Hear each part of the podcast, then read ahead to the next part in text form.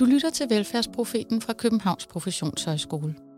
I Velfærdsprofeten undersøger vi aktuelle problemstillinger, den gode praksis og nye løsninger på velfærdsområdet, så du får ny viden og inspiration. Bag mikrofonerne finder du Stine Rabroselius og Lotte Andersen. I dagens udsendelse skal vi tale om demens. Eller rettere, vi skal tale om, hvordan man kommunikerer med mennesker, der er ramt af demens. 89.000 danskere over 60 år lever i dag med en demenssygdom, fremgår det af tal fra Social, Bolig og Ældreministeriet. Og det er et tal, som forventes at stige i takt med at en større andel af befolkningen bliver ældre. Det er bekymrende, for demenssygdom medfører ofte store sociale konsekvenser for den sygdomsramte. De fleste mennesker med demens får hukommelsesbesvær, men også andre mentale færdigheder rammes. En af de kompetencer, som ofte svækkes hos mennesker med demens, er evnen til at kommunikere. Vi mennesker er sociale væsener, så vi er afhængige af samspil og kommunikation med andre for at fastholde vores identitet og vores tilhørsforhold ind i fællesskabet. Svækket kommunikationsevne har altså store konsekvenser for mennesker med demens. Men det påvirker også de pårørende og de professionelle, som i stigende grad må tilpasse sig og tage særlige hensyn, når de kommunikerer med personen med demens. Derfor handler denne udsendelse af Velfærdsprofeten om, hvordan man kan kommunikere med mennesker, der er ramt af demens, så de kan fastholde et liv med betydende relationer og meningsfulde aktiviteter, til trods for, at deres kommunikationskompetencer er svækket af sygdom. Dagens gæst er docent Diana Schack Toft fra Professionshøjskolen UCN.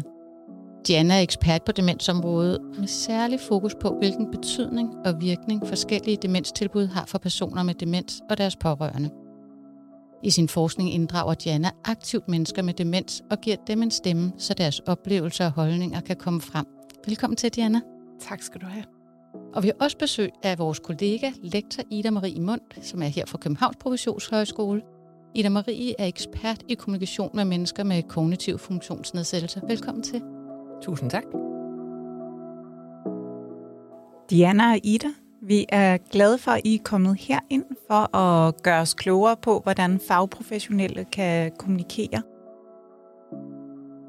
Jamen, det vil jeg rigtig gerne. Øhm, jeg tror, jeg gerne vil starte et sted, øh, der hedder sig, at vi er nødt til at anerkende, at demens er en sygdom. Og det vil sige, at man er nødt til at have viden om den her sygdom. Øh, og det er ikke, at man skal have viden om 200 forskellige typer af demens, men vi er nødt til at kigge på, at øh, sundhedsprofessionelle, men også pårørende på en eller anden måde skal klædes på til at forstå, hvad er det, der sker, når en demens øh, udvikler sig, og hvordan at den her sygdom vil tage forskellige skridt, vil progrediere forskelligt, vil have forskellige dagsform osv., simpelthen for at få den her forståelse for, at i dag er i dag, men i morgen ser anderledes ud. Øh, og det er nødt til at tilpasse. Øh, så, så det at have den her viden øh, om, hvad demens betyder, og hvad den betyder for personen med demens, er, er rigtig vigtigt ståsted at have. Så der skal uddannelse og efteruddannelse til inden for det her område, også på kommunikationsområdet. Der er simpelthen nødt til at skal viden ud, og hvis vi kigger på det, så eksisterer der jo allerede rigtig meget viden om, hvordan man kan kommunikere. Vi kan bare gå på Sundhedsstyrelsen og Socialstyrelsens hjemmesider. Der ligger masser af redskaber. Men det bliver bare ikke grebet, hvis der ikke er nogen, der faciliterer det her og skaber rum til at, at lære de her metoder og afprøve dem. Så, vi, så det er ikke, fordi vi nødvendigvis skal opfinde en hel masse nyt, mm. men vi skal have den her viden ud og blive implementeret og have et langt, sejt, insisterende træk på, at det vi allerede ved, der fungerer, det skal også ud og leve ude i praksis. Ja, meget enig. Øhm, altså, der er ingen tvivl om, at, øh, at, at lige så snart et menneske har altså er noget skælds over alder, så vil man forvente en adfærd, der ligner den, øh, den alder, øh, de har. Øh, men når vi kommer øh, går videre i, til, til, til, til ældre personer, så vil vi ovenikøbet øh, øh, forvente, at de er øh, balancerede og gennemtænkte og har noget erfaring og kan trække på nogle, noget historie og noget hukommelse, så, så deres, øh, deres adfærd og sproglige formåen må formodes at være endnu mere øh, kompetent. Og der bliver vi jo forskrækket øh, som pårørende, øh, at, øh, at øh, den formåen, at den pludselig ikke er der. At, øh, at øh, øh, nu tager jeg et eksempel på en herre, øh, som jo rigtig gerne vil øh, ned og vise mig, øh, at han har nu har lavet det næste stykke bord til mig. Nu må du gerne komme og se det her bord. Og han kan ikke huske, at det hedder et bord, så han banker i bordet, og Rune hun bliver ganske forskrækket og siger, lad, lad dog være med alarm. Og jeg kigger sådan lidt, hvis vi har faktisk en kommunikation om et bord. Tror du ikke bare, han mener bord? Mm. Øhm, at, at det, det bliver en udadreagerende og mærkelig og uforstående og lidt farlig adfærd. Mens det, man umiddelbart kan oversætte, det var inde i konteksten, vi snakker bare om et bord, og det var jo lige der, så vi kan godt banke i det. Det, der sådan er særligt for demensområdet, det er jo, at det er jo ikke, hvor man kan sige, at så er vi på et status quo. Altså, sygdommen har en progression og en udvikling, der gør, at du som professionel eller pårørende hele tiden er nødt til at afstemme, hvordan er det, vi kunne kommunikere i dag. Øh, dagsformen kan se forskellig ud. Det kan se forskelligt ud på døgnets 24 timer. Så, så man er hele tiden der, hvor man er nødt til at afstemme, jamen, hvordan er det øh, vedkommende forsøger at kommunikere, hvordan skal jeg forstå? Fordi at det kan være både brug af det verbale sprog, men som også du, det fine eksempel, du fremhæver, det nonverbale sprog for at understøtte, fordi det lige pludselig er blevet svært at finde ord. Jeg kan huske, der var en ældre herre, der fortalte mig, at når jeg fortæller, så ved jeg jo godt, hvad jeg skal fortælle, men jeg går ligesom på en vej, og nogle gange må jeg gå en omvej for at finde de her ord, fordi de er der ikke mere, som de var engang. Og det fortæller jo, hvor meget et menneske med demens faktisk er på overarbejde, fordi han skal både gå på vejen og holde fokus, men må også gå omveje for at finde øh, de rigtige ord på vejen. Og, og det er jo dobbeltarbejde at være på, samtidig med, at man er kognitivt udfordret. Så, så det at kommunikere for et menneske med demens, det, det kræver rigtig meget. Og som sygdommen progredierer, jamen, så bliver det jo vanskeligere og vanskeligere at følge med i de kommunikationer, der foregår ved familiebordet eller til fester osv.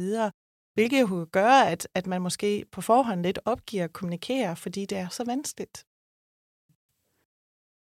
Er der mere, sådan, vi, kan, vi kan sige, det er noget af det her, vi ved er særligt udfordrende for mennesker med demens? Altså, jeg tror, jeg vil starte med at lægge ud, at øh, mennesker med demens er ualmindeligt forskellige. Hmm. Og der er hvor mange demensformer lige nu? Diana? Over 200 forskellige typer. Over 200 forskellige typer. Og, og det betyder også, at øh, de typer, de handler også om, at demens rammer forskellige steder i hjernen. Så man kan miste, miste nogle kompetencer, og overhovedet ikke miste andre. Og det vil, det vil nu er vi over i det neuropsykologiske perspektiv. Men det vil sige, at man kan udmærket have et fuldt sprogforståelse, men miste kompetencen til at finde de ord, som skal udtales, man kan udtale en hel masse ord, men måske ikke sætte dem sammen på en passende måde, sådan så det bliver baglæns eller med manglende ord i sætningerne. Man kan øh, ikke huske, hvad man sagde i sidste sætning, og derfor så bliver næste sætning defragt og hører ikke til og passer ikke sammen. Man kan jo ofte, det ser vi jo tit, øh, så er det langtidsudkomsten, der overlever øh, langt hen ad vejen, mens netop arbejdsudkomsten, hvad var det nu lige, jeg var i gang med, øh, sætte den her sætning sammen i tre, øh, tre-fire ord, øh, eller korttidsudkommelsen, som nu har vi lige sagt det her lige før, og nu er det væk igen. Altså, der er jo forskellige hukommelsesspor, som, som kan være udfordret. Øh, og noget af det, som, som jeg tænker, vi især kan kompensere for, det kan vi jo komme ind på, det er jo for eksempel arbejdsudkommelsen. Kan jeg huske, hvad jeg er i gang med at sige? Og det er for eksempel øh, øh, ord- eller sprogproduktionen, hvad er det for en ord, jeg mangler? Hvor skal jeg finde det henne? Um, så det er især sådan nogle ting, som vi kan, øh, kan støtte op under. Man kan selvfølgelig ikke støtte op under alt, fordi som sagt, der kan så være en ting er, at, at det, som man selv skal producere af kommunikation, som den, der er ramt af demens, men er der også noget i forhold til at forstå andres kommunikation til en, som bliver vanskeligere? Det kan der sagtens være.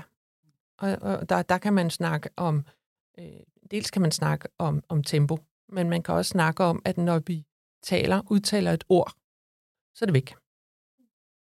Altså, goddag med en økseskaft. Nu er det væk. Nu kan jeg ikke huske det. Så, så det med at sikre, at det, jeg udtrykker til den demente, at det kan den demente, siger man det?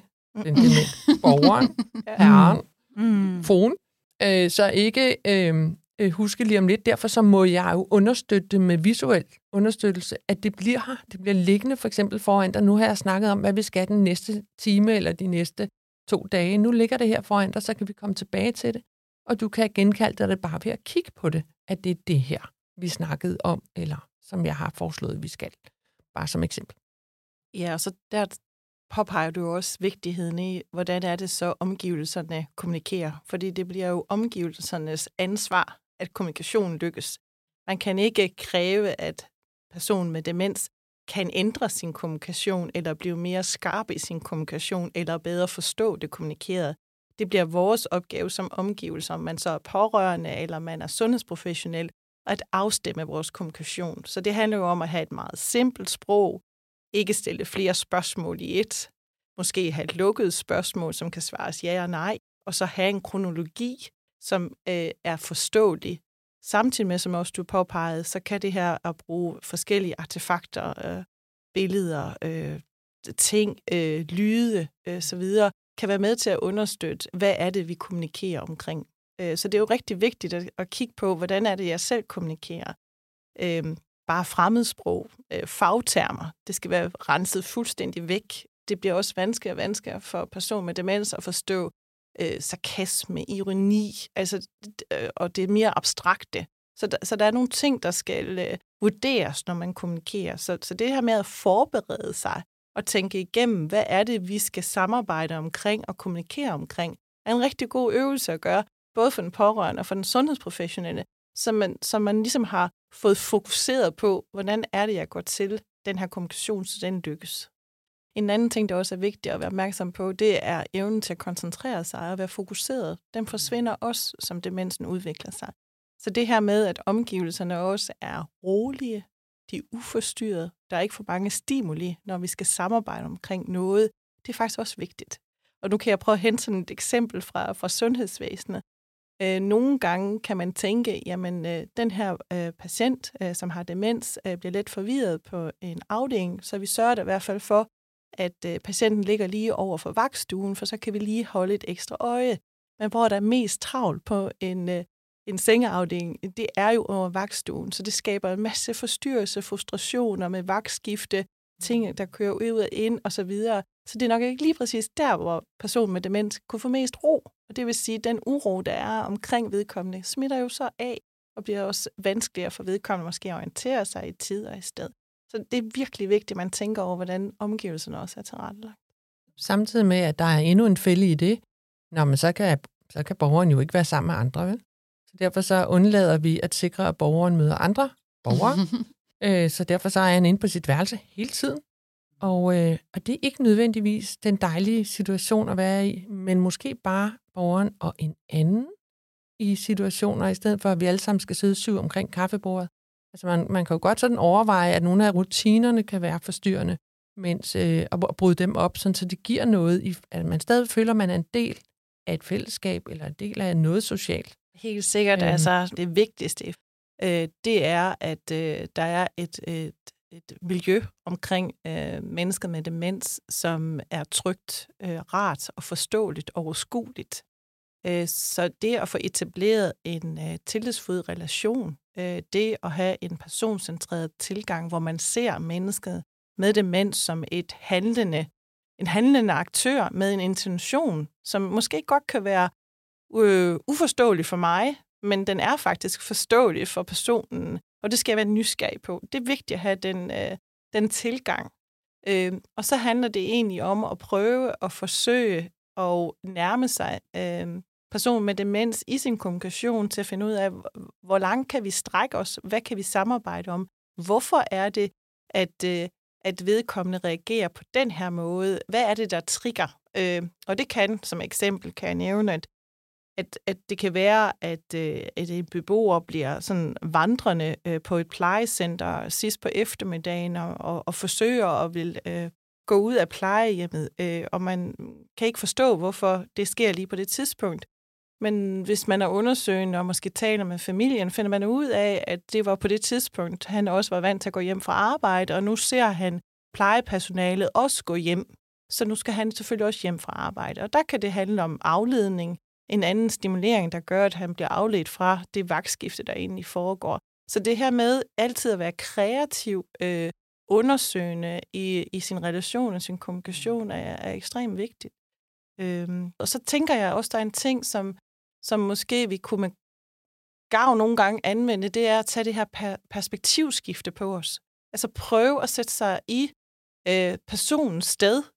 Hvis jeg ikke øh, forstår det, der bliver sagt, eller min sanser spiller mig et push i forhold til at forstå, hvordan øh, øh, det ser ud omkring mig, så vil jeg også øh, blive bange og angst, hvis der er en, der står og vil have mig ud øh, på et badeværelse, hvor jeg ikke kan se, om der er et gulv eller et hul. Øh, så vil jeg da slå fra mig, altså for at undgå en farfuld øh, situation, hvis jeg bliver trukket af sted. Altså, så det er også noget med at prøve at sætte sig i den anden sted. Øh, min erfaring det er, at, øh, at øh, lige præcis når vi snakker om nogle funktionstab og kommunikation, det er at sikre, at man rent faktisk har strukturer for at, øh, lad os sige, badeværelset, og hvad er der derude, og hvorfor, hvorfor trækker du mig den her vej? At man har visualisering af alle de situationer, der så findes, som, som man kan risikere at komme ud i i sådan en dagligdag for den enkelte borger. Og der kan man sige, er det ikke lidt voldsomt? Jo, men man kan lige så godt starte fra en ende af. De fleste borgere på for eksempel et, øh, et demensplejehjem, øh, de bliver dårligere. Så vi kan lige så godt have visualiseringen over det hele. Det vil sige, når jeg siger visualisering, så mener jeg for eksempel en, øh, en strip, altså en, en liste med måske 10 billeder, som viser en proces, der hedder, nu skal vi ud på badeværelset, barberes, en tur på toilettet, øh, lige vasket øh, fingrene og klippet en negl, og så er vi færdige, og så skal du tilbage til. Så man både har, vi skal derhen, der foregår noget, og så er der en retur. Der er mange, der tænker, okay, men vi skal bare have den liggende ude på badeværelset, så kan de gå ud og se, hvad de skal. Nej, men de skal lige derud først, ikke? Så der skal simpelthen en, en, en runde på sådan en, en liste. Så kan man sige, er det overkill? I starten, ja. Men det er jo sådan set ikke så relevant. Altså, sådan nogle øh, guidelines skal helst være der hele tiden, sådan så når de bliver brug for dem, når man har brug for krykkerne, så står de der, så kan man tage dem. Øhm, så hæng dem der nu, så, så er de til rådighed. Så sådan nogle fuldstændig, altså, det tager et stykke tid at plastre et helt øh, sted øh, ind med, med, med guides, mm. men det hjælper utrolig godt. Så det er ligesom den ene, øhm, den ene vej ind. Så det er ligesom den, vi kalder øh, struktur eller informationsdelen, øhm, som skal understøtte øh, både forståelsen af, hvad der er på spil, og, og hukommelse, arbejdshukommelse. Øhm, det er jo ligesom den ene vej. Så er der den anden vej, borgerens ytringer, stemme, indflydelse, der hvor vi, hvor vi er optaget af, at øh, man kan gå helt ned til at sige valg. Jeg synes, det er større end det, lad os bare starte med valg. Øh, hvis man nu skal spørge, øh, for eksempel, hvad, hvad er det for nogle aktiviteter, du har egentlig lyst til at lave øh, her, hvor vi er, så vil man have en tendens til at forsøge sig med sin egen hukommelse at sige, man kan lave mad, og så kan man gå i haven, og så kan man øh, gå en tur ned i Netto, og det er det, man kan her. Men hvis det nu er, at borgere har nogle andre drømme, end det man lige selv havde, kunne tænke sig til. Ja. ja. Hvad så? Så har man jo desværre magten over borgerens muligheder, valgmuligheder og kommunikationsmuligheder. Så hvis man skal reducere den magt, som man har i, hvad man kan tilbyde borgeren af valgmuligheder eller af ytringer, så er man nødt til at have det, vi kalder generisk kommunikationsmuligheder. Øh, For eksempel, øh, at man i England har udviklet et værktøj, som bruges både i demensområdet, men altså også alle mulige andre steder. Så det er en rammesætning om at tale om noget. Øh, og rammesætningen er fuldstændig enkel. Vi lægger simpelthen en måtte på bordet så tager vi øh, en håndfuld symboler, som kunne være det, der kunne være interessant at snakke om. For eksempel, skal vi snakke om, hvad du egentlig synes, der er dejligt at spise? Skal vi snakke om, hvad for nogle aktiviteter, der er spændende? Skal vi snakke om, øh, hvad du har af børn? Børnebørn? Pårørende? Skal vi snakke om, øh, hvad for nogle øh, øh, foretrukne øh, pleje, øh, kropslig pleje, ting, du gerne vil have? Skal, du, skal vi snakke om, hvordan du føler dig sikker i verden? Altså det kan være meget bred. Øh, man kan simpelthen selv skitsere sig frem til, sammen med borgere eller pårørende, om hvad der kunne være interessant at snakke om. Og så lægger vi samtalen ned på bordet ved hjælp af symboler. Vi har altså hver en af de ting, som vi kunne tænke os at snakke om, den lægger vi ned øh, på bordet. Og er det, er det visuelle symboler, øh, ja, Ida? Vi vil, ja, ja. I, I nogen grad vil vi bruge billeder, mm. fotos, men i højere grad vil man efterhånden bruge det, vi kalder overbegreber, altså tegnede symboler. af en eller anden slags. Så det, det er en vurdering lidt, hvad det er, vi går til for nogle øh, symboler, men altså symboler, små firkantede billeder, øh, som man så øh, giver borgeren i hånden og siger, hvordan har du det med det? Har du det godt? Den ene side af pladen. Har du det dårligt med det? Eller skidt med det? Eller bekymret over det? Den anden side af pladen? Eller, ja, du ved ikke rigtigt, så lægger vi den midt på pladen. Der skal helst altid være en skraldespand, for det er ikke altid, man ved, hvad man mener. Og så skal det helst ikke være sådan, at man svarer nej, hvis man mener, at det ved jeg sgu ikke lige, hvad jeg synes om. Så, så, så den form, uh, Talking Match, er vældig veludviklet, og man har haft utrolig gode resultater uh, uh, uh, en del steder i England, hvor de har lavet nogle, nogle, nogle, noget forskning og noget reviews på, hvad der egentlig er blevet arbejdet med. Så det er ligesom den ene. Kender du ikke også den, øh, uh, Janne? Jo, fordi jeg vil egentlig godt lige spole tilbage til det, du sagde øh, i starten omkring plejecentre i forhold til det her med at lave guides og sådan noget. Og, og, og det vil jeg egentlig sige, ja, det er faktisk rigtig vigtigt, fordi op til 80 procent af plejehjemsbeboere har øh, kognitive udfordringer, og vil også øh, have demens eller øh, grader af, øh, af kognitive udfordringer, der, der forværres. Øhm, så, så det er egentlig vigtigt at tænke på, hvordan kan vi gøre øh, hverdagsaktiviteter forståelige øhm, og simple med trin for trin, fordi det er noget af det, som faktisk kan gøre det lettere at samarbejde, hvis det er små og skolige trin. Noget af det, jeg kan se, som virker rigtig godt, for der er forskellige produkter på markedet i forhold til det her. Men noget af det, som, som jeg kan høre, at, øh, at flere sundhedsprofessionelle siger, det er, at hvis man kan øh, ligefrem tage billeder af personens egne tandbørste, eller øh, af det egne kaffemaskine, hvis man skal lave kaffe. Altså det her med, at det er faktisk genkendeligt af ting, som, som egentlig er i vedkommendes hverdagsliv og har været der i mange år, så er det faktisk lettere at samarbejde om de her trinprocesser, øh, der mm. skal igennem. Så der kan godt være noget i, hvordan er de her guidelines lavet, og, og hvor store er trinene i forhold til, hvor godt de fungerer. Så igen, som du også du indledte med, så skal vi passe på, at de her guides ikke bliver uh, one size fits all, for det gør det ikke. mm. så, så det er faktisk rigtigt. Uh, en anden ting, som du nævnte omkring de her talking mats, uh, der tænker jeg også, at der skal man også være opmærksom på, at, at det kan fungere for nogle uh, borgere med, med demens, men det kan også virke utrygt. Uh, i forhold til, at man faktisk igen godt kan øh, forsere nogle samtaler, man faktisk ikke har måske lyst til at drøfte på den her talking mats. Eller man ikke forstår de her symboler, der bliver lagt op øh, i forhold til, at demensen har progredieret så meget, som den har, så samtalen bliver faktisk uforståelig.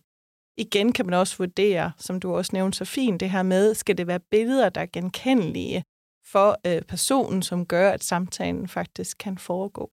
Og så er der også alt det her med, hvornår skal de her samtaler foregå, øhm, i forhold til, at, at det giver mening. Og der kan det være talking mats på, på, på et tidspunkt.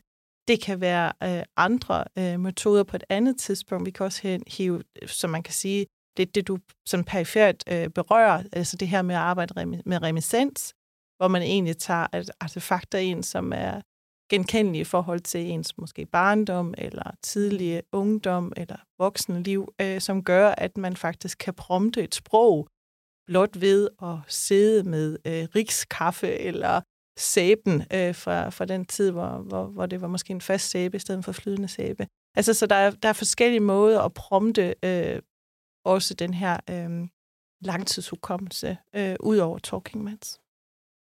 Så der er en klar fællesnævner i, at det her det er, en, det er en kulturudvikling, der kalder på nogle forskellige bevægelser. Ikke? Øhm, men man kunne også spørge til nogle af de her sådan, kommunikationsværktøjer. At det er også værktøjer, som at de fagprofessionelle kan anbefale til de pårørende?